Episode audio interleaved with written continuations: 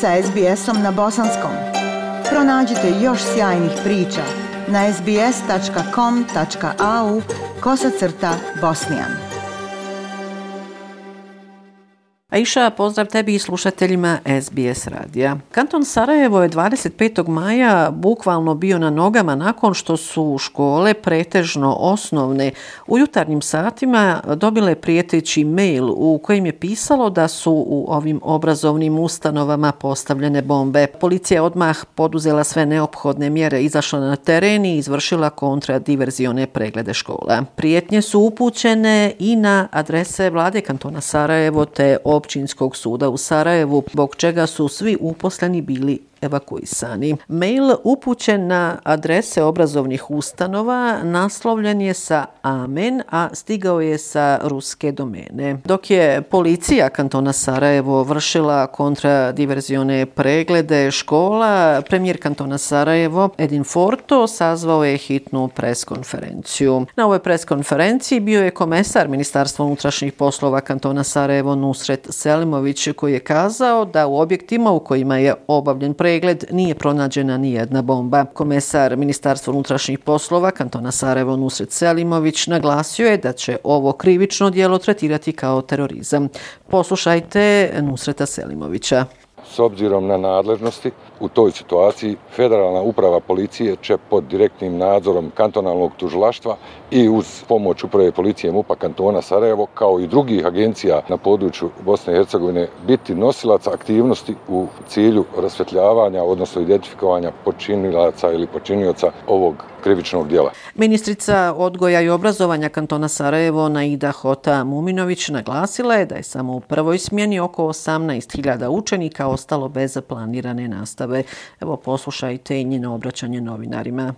Odmah su učenici i nastavno osoblje napustili zgradu škola. Naravno, direktori kasnije donose odluke o režimu nastave, dakle, komunicirajući te korake sa policijskim službenicima koji su na terenu. Premijer kantona Sarajevo, Edin Forto, kazao je da se svaka prijetnja svata ozbiljno. Evo i kratko njegovog obraćanja i molimo da sačekamo dok oni ne urade te prve istražne radnje da vidimo sa kojih domena, odakle dolazi i e, prema kome je ovo usmjereno. A iša nakon što je utvrđeno da nije postavljena bomba ni u jednom objektu, nastava je normalno nastavljena 26. maja. A 26. maja šefica diplomatije Velike Britanije Elizabeth Trust posjetila je Bosnu i Hercegovinu, tačnije Sarajevo, tokom boravka u glavnom gradu Bosne i Hercegovine održala je brojne sastanke sa bosansko-hercegovačkim zvaničnicima. Nakon susreta sa ministricom vanjskih poslova Bosne i Hercegovine Biserom Turković, Tras je potvrdila podršku Velike Britanije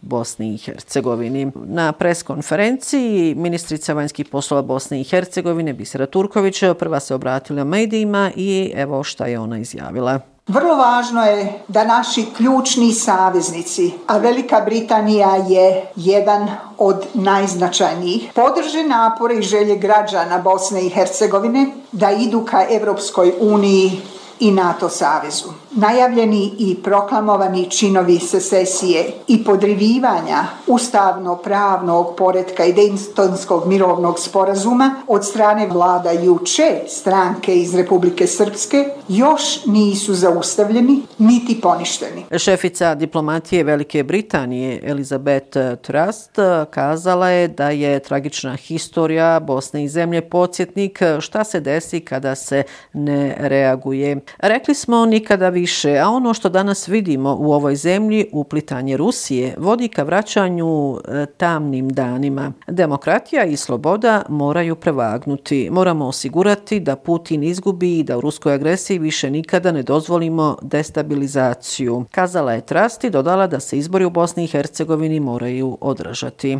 Evo, poslušajte obraćanje šefice diplomatije Velike Britanije Elizabeth Trust. Ovdje u BiH još više radimo na zaštiti mira i da spriječimo da se ova zemlja vrati na bilo koji način prema sukobu. Historija ove zemlje je podsjetnik na ono šta se dešava kad se ne suprotstavimo agresiji. Stvari se pogoršavaju, ne popravljaju se. Genocid u Srebrenici, opsada Sarajeva, to su samo dva zločina koji su nas užasnuli. I tad smo rekli nikad više. 26. maja Ustavni sud Bosne i Hercegovine je zasjedao i ukinuo je pojedine odredbe odluka Narodne skupštine Republike Srpske koje se odnose na prenos nadležnosti. Ustavni sud je odlučujući o zahtjevu 15 članova predstavničkog doma parlamenta Bosne i Hercegovine za rješavanje spora između Bosne i Hercegovine i Republike Srpske utvrdio da postoji spor u vezi sa donošenjem osporenih odredbi deklaracije i zaključaka od Narodne skupštine Republike Srpske o vraćanju prenesenih nadležnosti sa države Bosne i Hercegovine na entitet Republika Srpska u oblasti pravosuđa, odbrane i sigurnosti, zatim indirektnog oporezivanja i drugih pitanja. U saopćenju sa Ustavnog suda Bosne i Hercegovine se između ostalo kaže da je na istoj sjednici Ustavni sud odlučio da prijedlog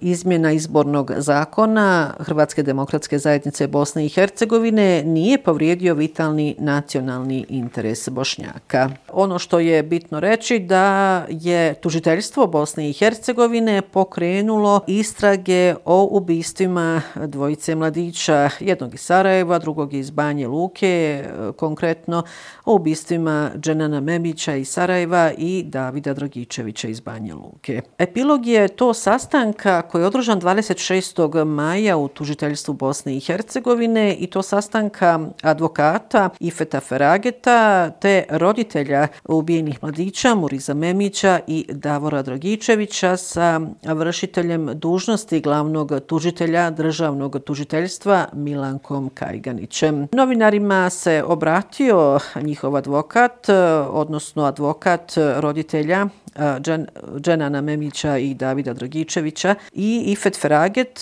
je kazao da proteklih šest godina nije potrošeno uzalud. Pravda je dostižna, riječi su Ifeta Ferageta. Dobili smo garanciju da su predmeti Dragičević i Memić prioritet. Ozbiljni timovi provode temeljite istrage. Osnovni zahtjev je da paralelno sa istragom o ubistvu teče istraga o zloupotrebi službenih dužnosti postupajućih tužitelja, rekao je u Sarajevu advokat Ifet Feraget to je ujedno i posljednja informacija u ovo sedmičnom javljanju iz e, glavnog grada Bosne i Hercegovine na ime brojne zvanice iz vjerskog, političkog i društvenog života. E, 28. maja su prisustovale u Sarajevu svečanoj ceremoniji otvorenja zgrade Rijaseta Islamske zajednice Bosne i Hercegovine. Izgradnja je počela davne 2009. godine, ali su zbog nedostatka financijskih sredstava radovi 8 godina bili stopirani.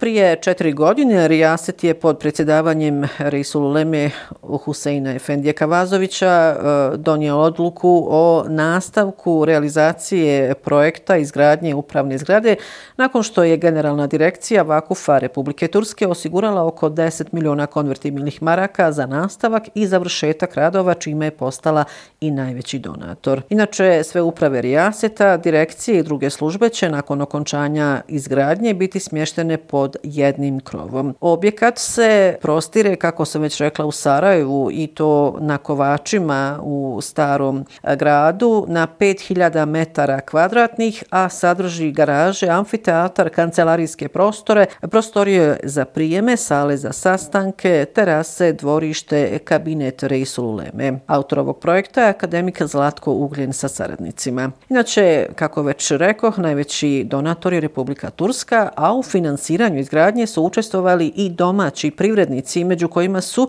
Nihad Imamović, Edin Arslanagić, Nedim Čaušević, Muhamed Granov, Nijaz Orman, Fahrudin Radončić, Ređo Bekto, Selver Oruč i drugi. Na samom otvorenju ovog velikog zdanja govorio je Reisul Lema Islamske zajednice u Bosni i Hercegovini Husein Efendija Kavazović. Evo poslušajte i dio iz e, njegovog obraćanja. Iz ove kuće će, ako Bog da, ići neophodne smjernice i napuci našoj mreži promotora dobra i pozivalaca miru, toleranciji i ljubavi. U ovu kuću će se slivati ideje, informacije i sve drugo što će nam davati dragocine smjernice za naš rad. Ponosni smo i radosni što smo uspjeli doći do kraja ovog velikog posla, ali i početka nove ere u našem radu. Ako Bog da, ovdje ćemo imati sve na jednom mjestu i u združenosti rada naših službi veće izglede za bolji i uspješni rad islamske zajednice. Zdanje koje je pred nama nije samo zgrada koju vidimo, već i natalaženo duhovno i graditeljsko znanje koje se utjelovilo tokom stoljeća našeg bosansko-hercegovačkog urbanog i graditeljskog života i postoja na ovim prostorima.